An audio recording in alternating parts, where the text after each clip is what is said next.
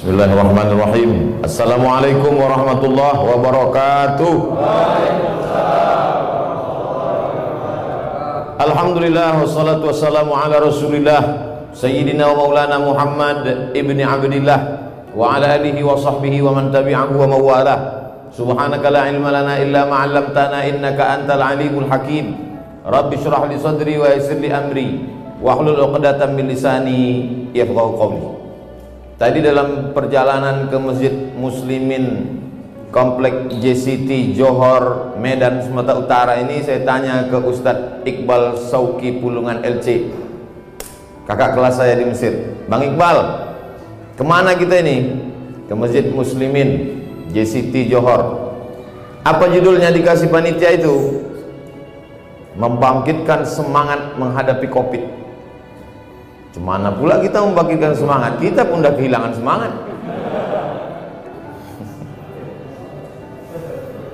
Jadi sekarang ini banyak orang kehilangan semangat Bapak Ibu yang dimuliakan Allah. Tapi mendengar takbir protokol tadi Semangat kita semua.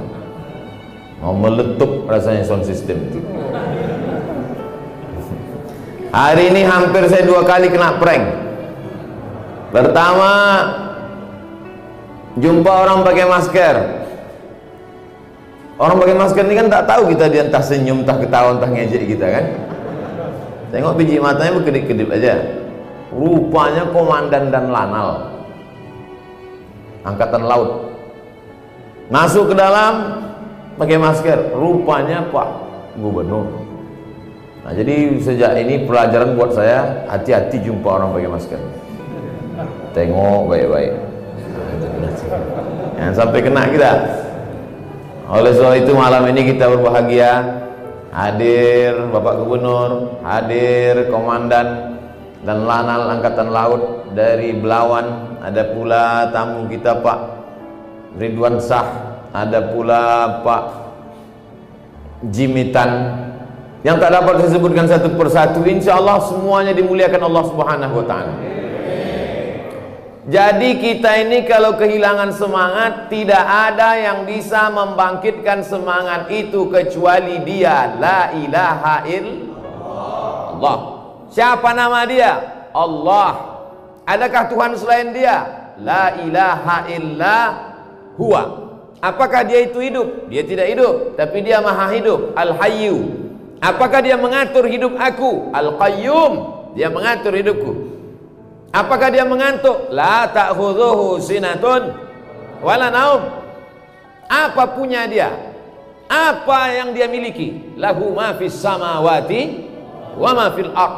Ada yang bisa menolong kecuali selain dia yang memberikan pertolongan. Man dzalladzi yashfa'u indahu illa biizni. Tahu dia apa yang ada dalam hatiku, dalam kepalaku. Ya'lamu ma baina aydihim wa ma khalfahum wa la yuhituna bi syai'in min ilmihi illa bima syaa.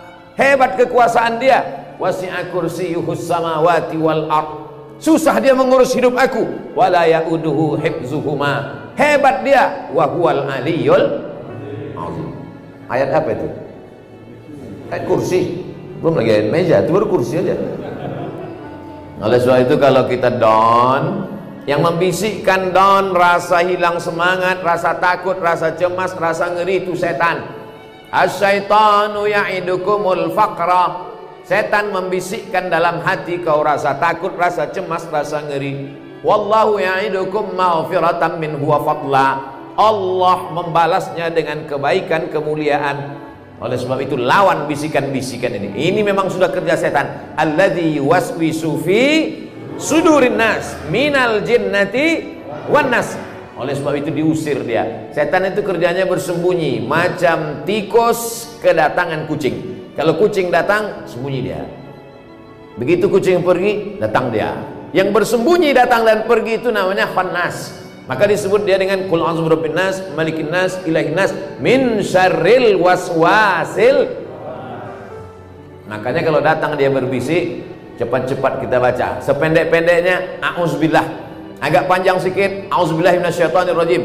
Lebih panjang auzubikalimatillahi tammati min kulli syaitani wa hammati wa min kulli ainin lamah hafal ayat kursi baca pelan-pelan. Allah la ilaha illa huwal hayyul qayyum. La ta'khudhuhu sinatun wa la naum lahu ma fis samawati wa ma fil ard. Man dhal ladzi yashfa'u 'indahu illa bi idznihi ya'lamu ma baina aydihim wa ma khalfahum. Wa la yuhituna bi shay'in min 'ilmihi illa bima syaa wasi'a kursiyyus samawati wal ard. Wa la ya'uduhu hifdzuhuma wa huwal 'aliyyul 'azim. Dawn waktu pagi salat duha. Usalli sunnatat duha raka'ataini lillahi ta'ala. Allahu akbar. Serahkan semuanya kepada Allah. Besar masalah ini. Hebat wabah covid-19 ini. Ada yang maha hebat. Dia yang punya kuasa. Innama amruhu idza arada syai'an ayakula lahu. Kun. Angkat kedua tangan. Allahu akbar. Allah saja yang maha besar. Yang lain kecil. Allah saja yang maha hebat. Yang lain sepele remeh temeh serahkan semuanya kepada Allah. Inna salati wa nusuki wa mahyaya wa mamati lillahi rabbil alamin. Di ujung solat pun begitu juga. At-tahiyatul penghormatan. Mubarakatul keberkahan. Solawatul doa-doa. Thayyibatul yang baik-baik. Punya siapa? Lillah. Bukan punya kita. Kita ini tak ada daya tak ada upaya tak ada apa-apa. La haula la quwata illa billah jadi berlindung itu kepada Allah. Kau semangat kali ku tengok. Ke mana kau berlindung? Ke dukun. Dukun aja udah tobat sekarang. Tak dukun tolonglah aku. Aku udah hijrah dah kata dukun. Kau hebat kali sekarang. Siapa kawan kau? Tuyul. Kau pakai tuyul.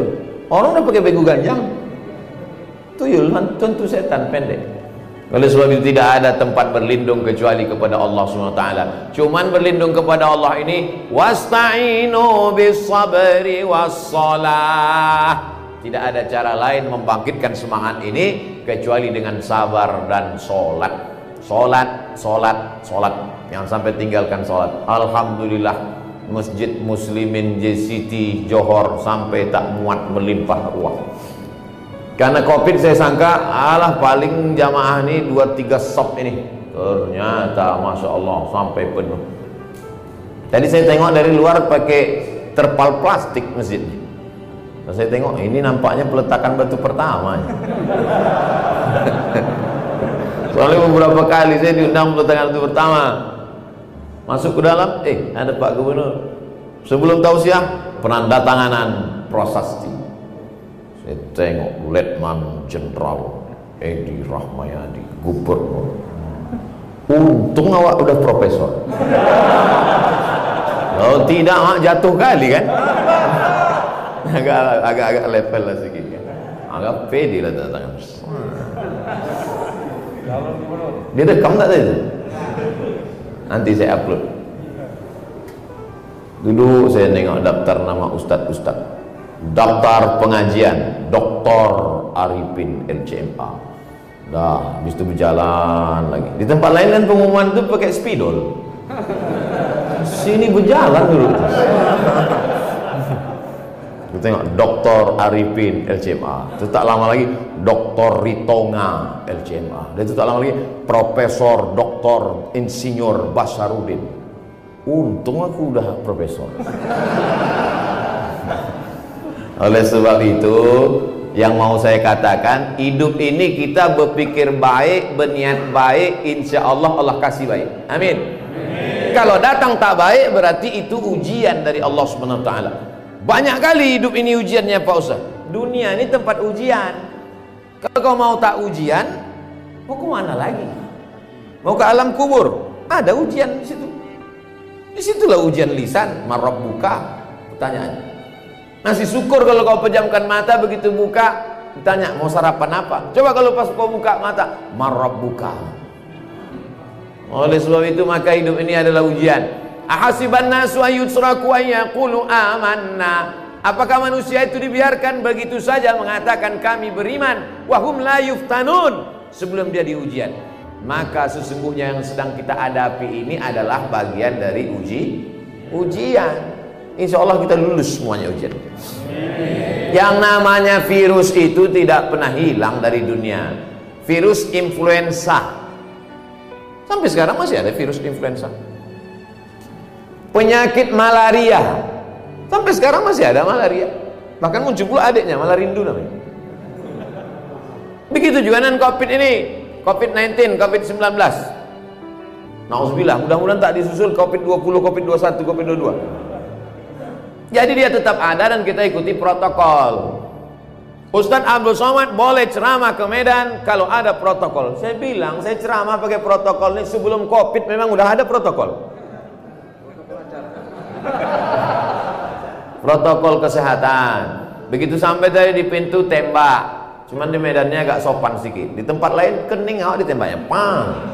Di sini agak segan dia ke tangan. Nah, 36 masuk. Sempat 39 tadi batal ceramah. Habis itu dikasih hand sanitizer tangan.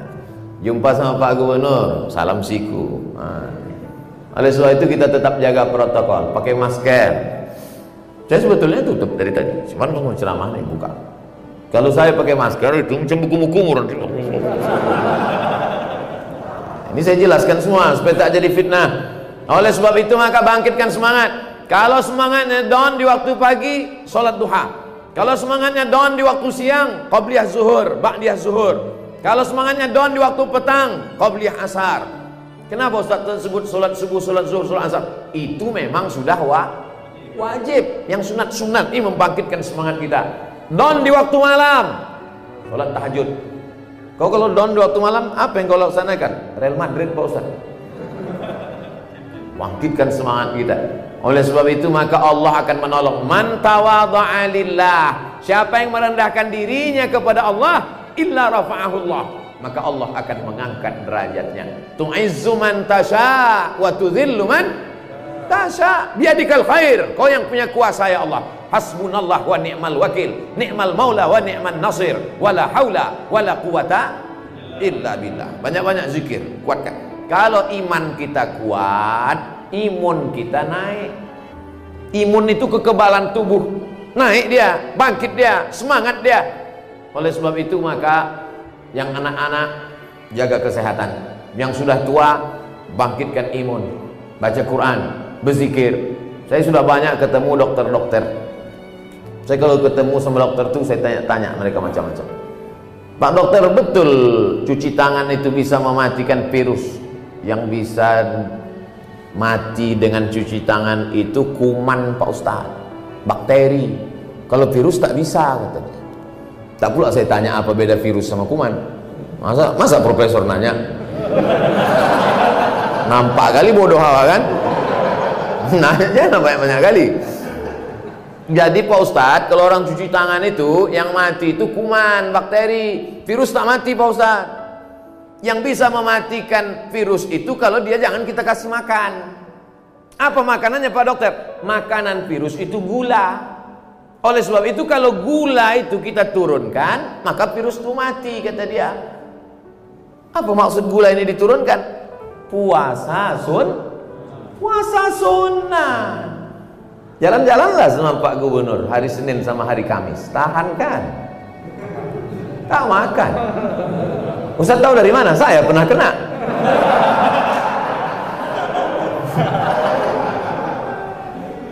Saya memang selalu ngajak puasa. Mari kita puasa Senin Kamis. Mari puasa. Ustaz Somad puasa. Kenapa Ustaz tak puasa? Aku musafir dari Riau. Jauh. Rupanya Pak Gubernur puasa. Oleh sebab itu maka puasa sunat ini bagus sekali. Saya jumpa sama Pak Dokter kena penyakit diabetes mellitus. Kalau udah kena dia ke kulit meletus-letus kulit itu. 17 tahun kena diabetes. Sembuh total sehat karena puasa sunnah. Ayatnya pula yang dibaca oleh qari kita tadi. Inna iddatas syuhuri indallah ithna asyara sahran fi kitabillah. Sesungguhnya bulan itu ada 12 yang ditetapkan dalam kitab Allah. Minha arba'atun hurum. Ada empat bulan mulia. Zulqa'dah, Zulhijjah, Muharram dan kita sedang berada di bulan Agustus pula kata dia. Memanglah Agustus. Zulqa'dah, Zulhijjah, Muharram. Yang satu lagi apa? Bulan Rajab. Maka di bulan-bulan ini banyak bagus puasa sun, puasa sunnah. Oh kalau gitu tadi Ustaz puasa? Enggak, mana aku puasa? Udah diajak makan di restoran konseptan seumur umur baru tadi saya makan makanan sawi langsung dari negeri Tiongkok. Luar biasa. Hmm. saudara yang dimuliakan Allah subhanahu wa ta'ala. Oleh sebab itu maka kuatkan dengan ibadah. Sholat-sholat sunat sudah. Puasa sunat ternyata luar biasa. Banyak orang-orang sehat. Kemarin jumpa sama Pak Profesor Dokter. Kata Pak Dokter ada satu mengeluh saya ini kena penyakit gula Pak Dokter. Apa obatnya? Apa kata Pak Dokter? Jangan makan nasi. Jangan makan nasi. Karena di nasi itulah banyak gula katanya pas pula di piring saya sudah saya sendok dua sendok besar. Dalam hati saya mak aku ditembak rupanya di situlah letak. Sudah tertulis di kepala kita kata Pak Dokter kemarin malam. Sudah tertulis di kepala kita kalau tak makan nasi mati. Kalau tak makan nasi mati. Alhamdulillah Pak saya tak makan nasi lagi. Terus kau makan apa? makan lontong. Nah, sama aja. Oleh sebab itu maka kita luruskan mindset kita ini. Buktinya ketika kita puasa Pak Ustadz Somad saya ini kena penyakit mah akut kalau sudah sampai jam 12 siang berputar rasa usus saya itu Pak Ustadz berputar usus saya itu sakitnya minta ampun Pak Ustadz tapi kalau saya puasa tenang Kenapa orang ketika dia kena penyakit mah, ketika dia sedang tidak puasa, ususnya melilit. Tapi ketika dia sedang puasa, tenang. Rupanya otaknya sudah memprogram. Otak ini berkata kepada usus, Hai usus, kau keluarkan asam lambung jam 8 pagi sarapan, makan siang, makan malam. Maka keluarlah asam lambung tiga kali untuk menghancurkan makanan. Tapi begitu dia katakan, nawaitu sauma aku berniat besok puasa Senin, puasa Kamis, puasa Ayamul Bait 13, 14, 15, maka otak memerintahkan kepada usus, "Hai usus, jangan kau keluarkan asam lambung besok siang karena tak akan ada makan siang." Begitulah kuasa otak. Siapa yang memberikan kuasa itu kalau bukan Allah Subhanahu oleh sebab itu belajar Islam ini jangan cuma belajar masalah akikah, masalah walimah, masalah takziah. Tapi Islam ini mencakup segala aspek kehidupan, aspek kesehatan, aspek politik, aspek moral. Lagi-lagi kuatkan dengan puasa sunat. Apalagi ibu-ibu yang kemarin puasanya tujuh hari tinggal di bulan Ramadan. Saya kalau cerita puasa ini selalu saya sebut ibu-ibu karena puasanya tinggal. Rupanya ibu itu tinggal tujuh hari, bapak itu tujuh belas hari. Man mata siapa yang mati wa alaihi siyamun punya utang puasa soma'an huwalihu ahli warisnya wajib menggantikan puasanya. Oleh sebab itu jangan sampai mati dalam keadaan meninggalkan hutang puasa. Ganti. Yang kemarin-kemarin itu ganti. Satu anak itu ibu tidak puasa tiga bulan satu anak tiga bulan tak puasa Ramadan saat hamil Ramadan saat menyusukan Ramadan menyusukan dua kali dua tahun Ibu tiga bulan puasa? Pak Ustaz. Terus waktu nyusun ke mana? Udah kuserahkan ke kambing. Udah kuserahkan ke sapi. Oleh sebab itu maka tiga bulan mesti diganti puasa itu. Karena kalau sampai mati dalam keadaan meninggalkan hutang puasa tak selesai. Ahli waris wajib menggantinya. Nah, ini cara membangkitkan imun, membangkitkan semangat tapi tetap ikut protokol kesehatan pakai masker, cuci tangan dan lain sebagainya ini sekarang manusia menghadapi COVID ini terbagi dua Bapak Ibu. Ada satu kelompok yang amat sangat berani menghadapi COVID. Ditantangnya pula COVID. Mana COVID itu? Biar kumur-kumur kayak COVID. Yang satu lagi pula terlalu takut kepada COVID. Takut. Sampai bersin pun ditahan. Rupanya keluar dari bawah. Oleh sebab itu menghadapi COVID ini kita tetap berikhtiar. Karena kita adalah ahlus sunnah wal Ahlu sunnah wal jamaah. Kita bukan ahlul bid'ah. Kita adalah orang-orang yang beramal Karena Allah subhanahu wa ta'ala. Tetap pergi kerja. Langkahkan kaki pagi.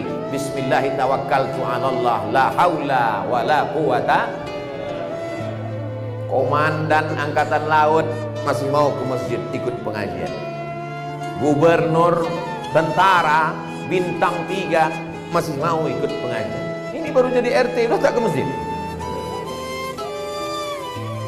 Oleh sebab itu maka ini adalah pelajaran kita bersama. Dulu waktu masih Pak Gubernur belum jadi gubernur saya ketemu beliau di masjid jumpa di masjid di Sibolga jumpa di masjid di Medan. Setelah jadi gubernur ketemu pun di masjid.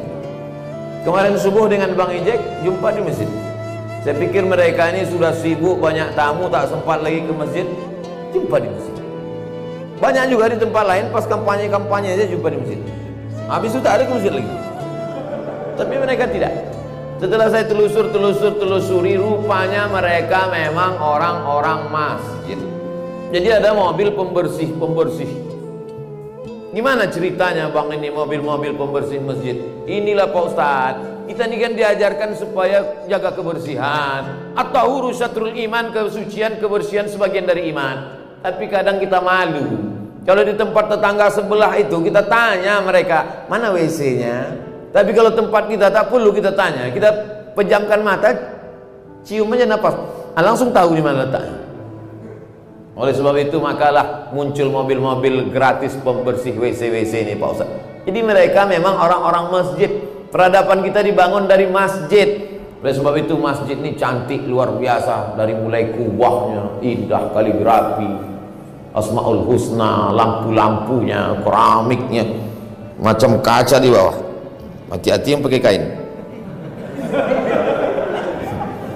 Sebab itu AC-nya, masya Allah. Kami di dalam ini menengok kalian yang di luar tuh macam akuarium. Macam-macam ikan mas koki nampak kan?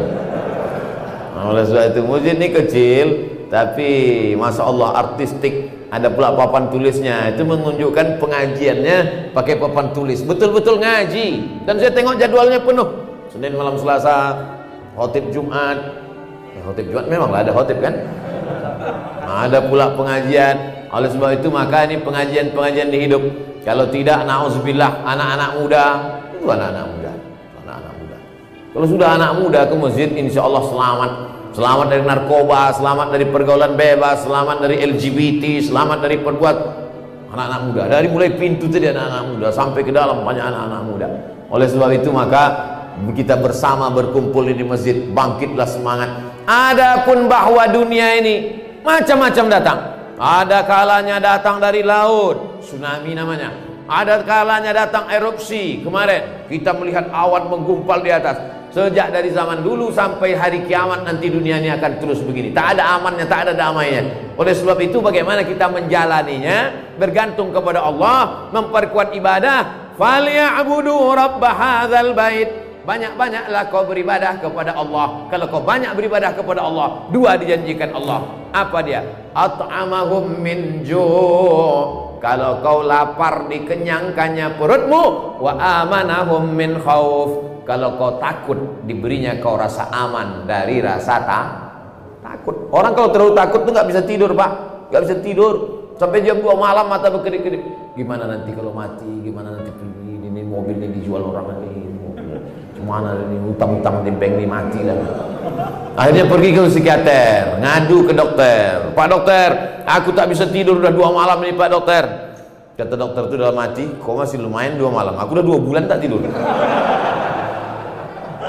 Bapak Ibu pikir dokter itu tak takut dia. Dia lebih takut lagi daripada kita. Karena dia tahu. Kita ini tak takut kan karena tak tahu. Orang tahu itu lebih takut daripada orang tak tahu. Makanya bersyukur juga saya ini banyak tak tahu. Karena kalau tahu makin takut kita. Tapi ketakutan kita kepada Allah, takut pada azab kubur, takut pada neraka, mengalahkan ketakutan-ketakutan pada dunia. Makanya khutbah Jumat apa pesan khatib? Ya ayyuhalladzina amanu, hai orang beriman, ittaqullah, takutlah kepada Allah. Besarkan Allah sehingga kecil dunia ini di matamu. Habiskan takutmu untuk Allah sehingga tak tersisa pada yang lain. Kalau tidak kita ini terlalu takut, takut, cemas, ngeri, takut, cemas, ngeri. Jantung deg-degan, tak normal. Coba rasa dada masing-masing, Cuman? Alhamdulillah saya masih normal lagi. Ada sebagian orang itu tak normal.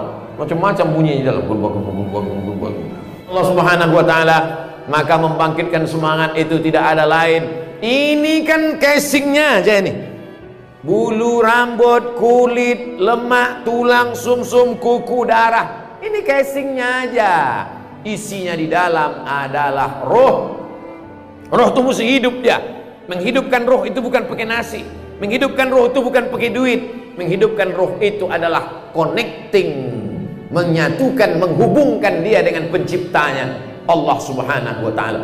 Maka banyak orang itu kata Nabi masalul ladzi yazkurullah wal ladzi la yazkurullah Perumpamaan orang yang mengingat Allah dengan orang yang tak mengingat Allah. Kama salil hayy wal mayyit, seperti orang hidup dan orang mati.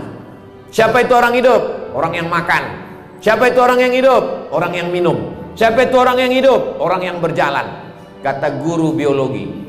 Tapi dalam Islam orang yang hidup adalah orang yang connecting mengingat Allah. Itulah orang yang hidup. Ini semua yang hadir ini semuanya hidup. Kenapa? Karena dia mengingat Allah. Adapun orang yang tak ingat Allah maka sesungguhnya dia mati. Maka sesungguhnya kita sedang berkawan dengan zombie-zombie. Karena mereka adalah mayat-mayat berjalan karena tak ingat kepada Allah Subhanahu wa taala. Makanya kita selalu berzikir mengingat Allah. Alladzina yadhkurunallah, orang-orang yang berzikir mengingat Allah qiyaman waktu tegak, wa qu'udan waktu duduk, wa ala junubihim waktu berbaring.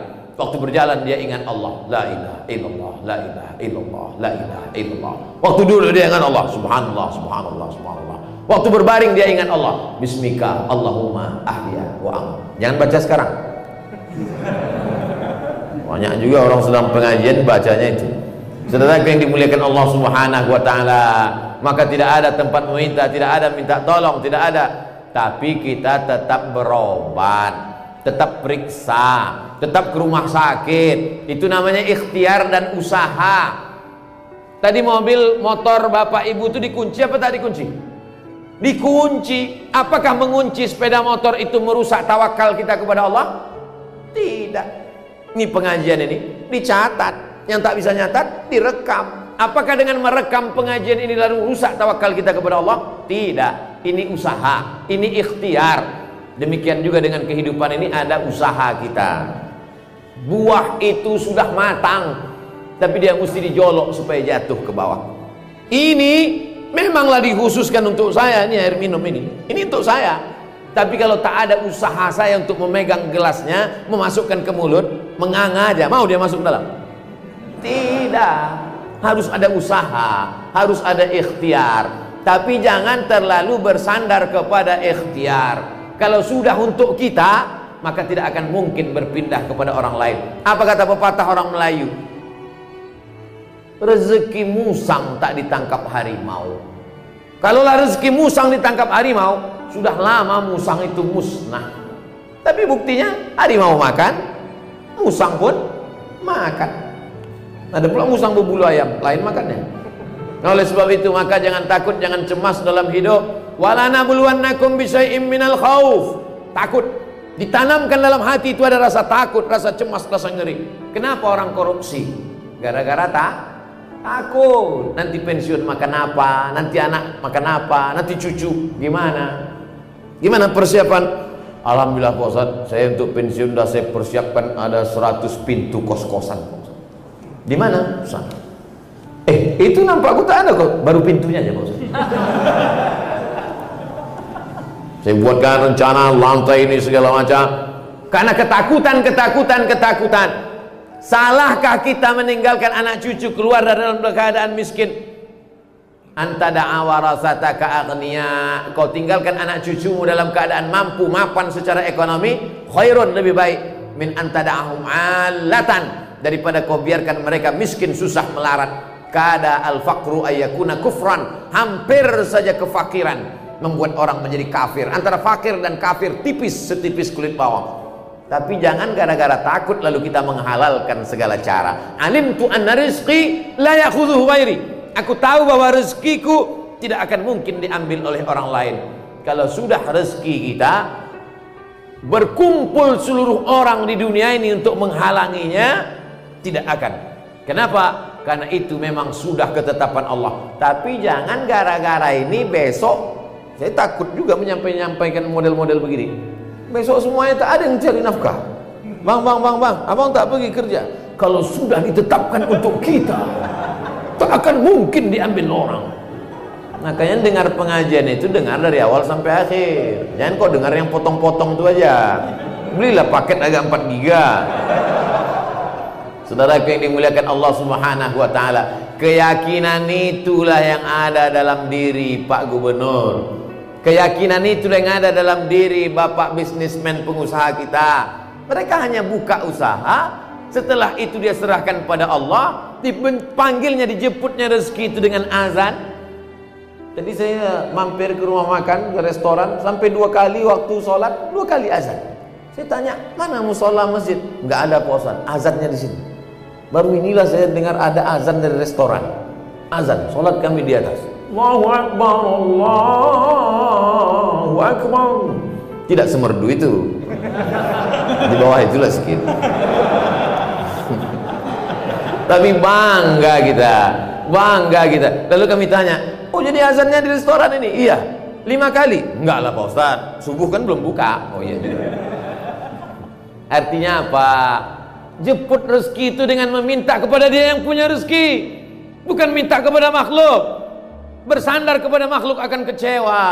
Hari ini menjadi kawan, besok berubah menjadi lawan. Hari ini menjadi orang baik, besok menjadi musuh.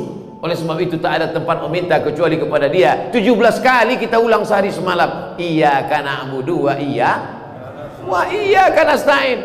Oleh sebab itu maka hidup ini kita berusaha. Masa lalu tak dapat kita ulang. Masa akan datang pun remang-remang tak tahu kita. Masa inilah kita nikmati dengan beribadah. Ada yang bisa menjamin bahwa besok pagi dia masih hidup? Hmm, siap-siap. Hmm, Jadi kalau Ustaz mati besok pagi, selesai, habis tablik akbar. Kalau Ustaz masih hidup besok pagi, kalau kau hidupkan aku besok pagi ya Allah, tambahkan amal soleh. Kalau kau matikan aku malam ini ya Allah, berhenti dari segala perbuatan dosa. Hidup ini kan cuma singgah sebentar. Ustaz dari mana? Dari Pekanbaru. Mau ke mana? Mau ke Bukit Tinggi. Di mana Ustaz singgah? Singgah ke Medan. Tausiah terakhir di Masjid Muslimin. Habis itu pergi kami ke Bukit Tinggi. Selesai. Say goodbye. Dah. Habis. Hidup ini pun begitu juga. Singgah sebesar di dunia. Habis itu nanti masuk ke liang lahat. Tunggu hari kiamat. Habis itu masuk ke surga. Semuanya hadir di masuk surga insya Allah. Cuman yang di luar itu agak lama sedikit. Tidak. Tak ada itu. Pokoknya semuanya masuk surga. Wasiqal ladzina taqaw rabbahum ilal jannati zumara. Mereka yang takut kepada Allah akan masuk ke dalam surga bergerombol-gerombol. Masuk surga itu tak sendiri, berjamaah bersama-sama, beramai-ramai. Jamaah Masjid Muslimin JCT Johor, Medan, Sumatera Utara.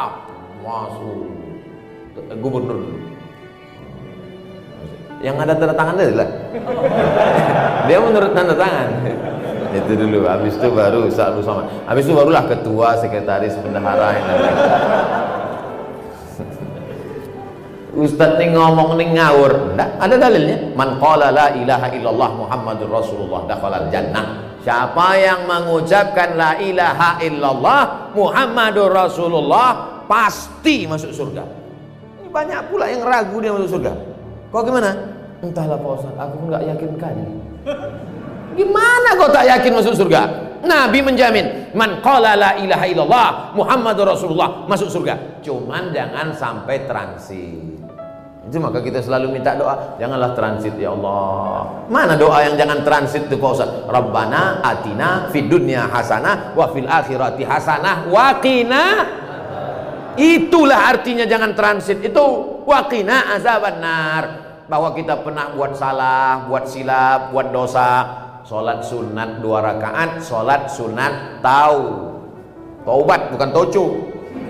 Kalau sunat taubat, usolli sunnata taubat rakaataini lillahi taala. Kalau terkait dosa kepada Allah, kalau kepada manusia minta maaf. Saya tak pernah malu segan untuk minta maaf kepada Bapak Ibu hadirin hadirat yang dimuliakan Allah. Maukah Bapak Ibu memaafkan silap salah saya? Belum selesai lagi. Oleh sebab itu jangan malu minta maaf. Pak Ustaz saya sudah minta maaf tapi dia tak memaafkan saya. Bukan urusan. Yang penting kita udah minta maaf. Masalah dia maafkan atau tidak itu bukan urusan. Tapi jangan pula kita cakapkan gitu. Jangan pula besok pagi datang, aku minta maaf sama kau, ah, terserah itu terserah kau lah, mau kau maafkan atau tidak. Kan begitu. Oleh sebab itu kita ini jangan sampai ada menzolimi orang menyakiti orang menganiaya orang menempeleng orang memukul orang menteror orang menyantet orang. Masalah kita dianiaya orang masalah kita diejek orang sesungguhnya pahala dia sedang mengalir transfer tak berhenti kepada kita. Makanya adik-adik tengok tuh haters-haters yang mengejek-ejek membuli saya. Pernah kalian tengok saya balas caci maki di Instagram? Pernah tak pernah. Orang saya tak tahu passwordnya. Saudara yang dimuliakan Allah subhanahu wa ta'ala hidup ini kita ikuti saja realnya. Setelah itu kita serahkan kepada Allah kita berikhtiar. Setelah itu kita minta kepada Allah apa yang baik menurut engkau ya Allah? Kalau memang baik berikan. Tapi kalau menurut ilmu engkau tak baik alihkan. Banyak orang menyusun sesuatu. Setelah itu dipaksanya Allah mengikuti kemauan dia. Ya Allah aku minta begini. Kalau kau tak kasih parah kali lah. Gimana kita paksa Allah? Saya ingat dulu ada orang cerita ke saya. Ustaz Somad itu Bapak Gubernur Sumatera Utara itu kalau dia mau memikirkan karirnya bisa dia sampai bintang 4 bisa dia bahkan lebih daripada itu. Tapi ada yang dikorbankannya Pak Ustadz dia turun selangkah demi untuk menyelamatkan Sumatera Utara itulah usaha dia kalau setelah itu tidak juga serahkannya kepada Allah orang cerita ke saya oh begitu banyak orang gerasak gerusuk seradak seruduk menanduk ke depan menyipah ke belakang menyikut ke kiri menghalalkan segala cara oleh sebab itu dalam Islam ini kita berusaha saja. Dulu saya kalau ceramah di mana-mana dipanggil sama protokol. Berikut ini mari kita dengarkan tausiah yang akan disampaikan oleh Dr. Abdul Somad. Padahal waktu itu saya masih LCMA, lagi cemas menghadapi anak-anak. Paksalah klarifikasi, mohon maaf Bapak Ibu, saya belum doktor. Tapi dalam hati saya yang paling dalam saya mau kuliah.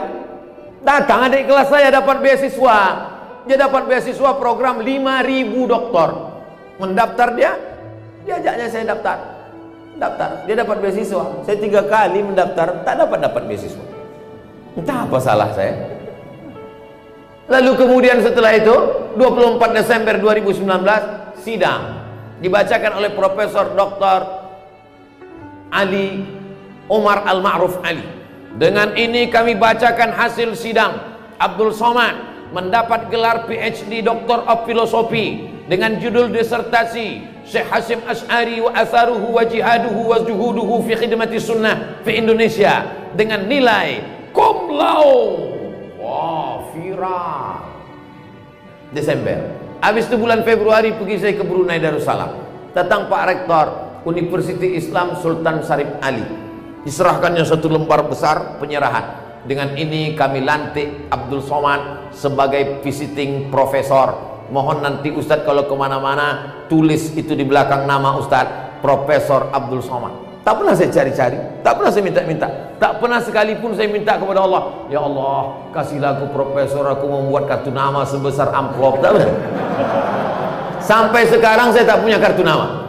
Tak ada kartu nama. Makanya sekarang segan kadang kalau jumpa-jumpa sama pejabat itu uh, ini kartu nama saya Pak Ustadz oh, tak kartu nama. Sampai sekarang. Karena kalau saya buat panjang sekali itu Datuk Sri Ulama Setia Negara Kai Jaga Mangkudilaga Profesor Dr. Abdul Somad LCD SE PhD MA panjang kali dua kali tiga baris tapi di mana-mana saya minta supaya tulis pendek saja tiga huruf cukup uas ini deh ini dikasih orang. Saudara yang dimuliakan Allah Subhanahu wa taala. Saya cerita ini ke anak-anak bapak, ke anak ibu untuk motivasi dia supaya bela belajar. Aku tak perlu mengenalkan diriku kepada lovers karena mereka mencintai aku. Dan aku tak perlu menjelaskan diriku kepada haters karena itu tak merubah keyakinan mereka terhadap aku. Tapi perlu kuceritakan kepada anak-anakku untuk membangkitkan semangat mereka belajar tuntutlah ilmu walau ke negeri Cina kenapa disebut negeri Cina? Karena itulah negeri yang paling jauh dari kota Makkah dari Nabi Muhammad SAW tapi ada makna kedua karena peradaban yang luar biasa. Waktu itu kertas. Ada bapak ibu mendengar Quran itu ditulis di kertas zaman Nabi? Tak ada kertas ditulis di pelepah korma kertas ditulis di tulang onta kertas ditulis. Waktu itu yang ada kertas adalah di negeri Cina. Nabi ada menyebut utlubil ilma walau sin sin. Karena waktu itu mereka membuat bubur kertas dari bambu. Bambu itu mereka buat bubur lalu kemudian dijemur kering. Itulah dia menjadi kertas. Lalu kemudian datanglah masa berikutnya Quran ditulis di kertas sampailah kita hari ini. Jadi jangan bayangkan Quran itu turun dari atas langit kertas turun enggak Quran itu adalah suara yang masuk ke telinga Nabi. Setelah itu Nabi membacanya didengar oleh sahabat Nabi. Sahabat membacanya didengar oleh tabi'in. Tabi'in membacanya didengar oleh tabi' tabi'in. Sampailah ke guru-guru kita sampailah ke kita hari ini sampailah ke qari tadi. Oleh sebab itu ayat yang pertama turun kita disuruhnya selalu membaca, baca dan membaca. Tengok bule-bule itu di airport menunggu pesawat. Orang kita tebal betul buku untuk bantal intikam. Saudara yang dimuliakan Allah Subhanahu wa taala, maka masa depan ini adalah bagi orang yang punya semangat luar biasa. Tapi kalau sudah semangat ini tak ada, duit banyak, kehilangan semangat, Angka bunuh diri terbesar di dunia bukan di Afrika, negeri yang miskin susah melarat. Nah, angka bunuh diri terbesar di dunia bukan di Indonesia. Angka bunuh diri terbesar di dunia di Amerika. Orang-orang kaya bunuh diri karena putus putus asa, bukan putus belanja. Putus asa. Diminumnya, mati, menabrakkan mobil, mati, terjun dari atas gedung bertingkat, mati. Dan mereka bawaannya ketakutan aja. Orang di Amerika tuh bawanya takut, cemas. Kalau dia duduk-duduk di tepi pantai takut. Apa yang ditakutkannya? Naik makhluk dari dalam laut itu, namanya Godzilla. Kalau dia duduk-duduk tengah malam depan rumah nengok langit, takut. Apa yang ditakutkannya? Turun makhluk yang ngencas itu, alien. Menengok mobil parkir pun dia takut. Takut dia mobil ini berubah jadi makhluk, transformer. Makanya mereka kena penyakit tak bisa tidur malam. Nama penyakitnya insomnia. Kita tak ada. Tak ada kita. Tak ada rasa takut itu dalam hati kita. Malah berapa banyak orang tertidur aja bawahnya. Mereka naik mobil mewah, Mercy, sampai tak tumpah tempat air minum. Tak bisa tidur. Kita naik sudaku kelewatan gang.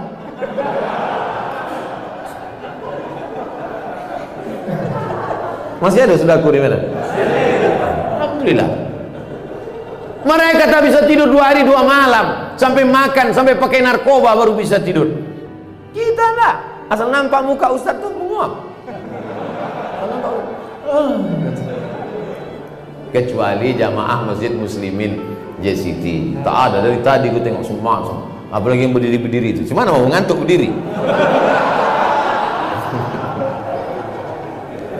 Masya Allah tabarakallah Tadi saya mulai ceramah ini jam 9 kurang 15 Nanti 10 menit lagi jam 10 kurang 15 Baru saya jawab pertanyaan Belum habis sudah nampak kartu kuning Saudara yang dimuliakan Allah subhanahu wa ta'ala Judul yang dikasih sama saya Bagaimana membangkitkan semangat Karena kalau sudah semangat Orang Melayu itu Kalau dia semangatnya turun Dibuatnya tepung tawar kalau orang Aceh namanya pesejuk.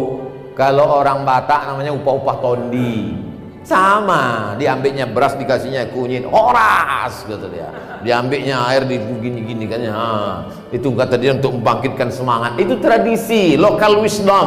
Tapi sebetulnya di balik itu adalah ingin memberikan semangat. Dikasihlah ayam, lalu kemudian dipanggang kasih pulut kuning diangkatkan kepalanya semangat kok ya semangat ya dicuruskan ha apa tak semangat sebesar besar ini suapnya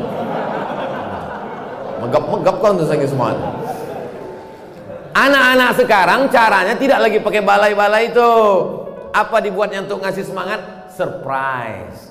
Pas hari ulang tahun buka pintu wah diikatnya tiang listrik. Pas hari ulang tahun dipukulkannya telur busuk kepala siram air comberan. Nah koslet mati. Bukan begitu cara membangkitkan semangat. Membangkitkan semangat itu adalah beribadah. Membangkitkan semangat hidup adalah menengok orang mati tadi saya ziarah ke makam dulu kerajaan Delhi ini sultan dipimpin oleh sultan tapi dalam bidang agama dipimpin oleh mufti. Kalau bidang negara dipimpin oleh sul sultan. Di bidang agama dipimpin oleh muf, mufti. Muftinya tamat langsung dari Masjidil Haram. Namanya Syekh Hasan Maksum. Siapa namanya? Syekh Hasan Maksum. Lalu kemudian Syekh Hasan Maksum ini punya murid namanya Syekh Muhammad Arsyad Talib Lubis. Tadi saya dibawa ziarah ke makam di Sungai Kerang. Saya Kerang dekat sungai. Kalau disuruh cari tak ingat saya lagi. Sampai di situ duduklah saya di makam. Oh Tuan Syekh tertulis di nisan meninggal tahun 1972. Dulu waktu saya sekolah di Muallimin Al-Wasliyah Medan, Jalan Sisingamangaraja, Komplek Unifa, kami belajar ilmu istilah hadis, hadis sahih, hadis dhaif, hadis hasan, hadis maudhu. Itu yang menulis kitabnya, itulah yang punya kubur. Itulah yang ada di kubur itu. Syekh Muhammad Arsyad Talib Lubis menulis kitab ilmu hadis pakai bahasa Arab. Padahal Lubis, Lubis itu marga orang Arab atau orang Tapanuli Selatan? Absen, Mandailing Natal. Tapi menulis kitab pakai bahasa Arab. Abdul Somad sekolah di Arab, kitabnya bahasa Indonesia. 37 masalah populer, 99 tanya jawab sholat. Nah, itu udah dua kali maksudnya suruh berhenti ya gimana?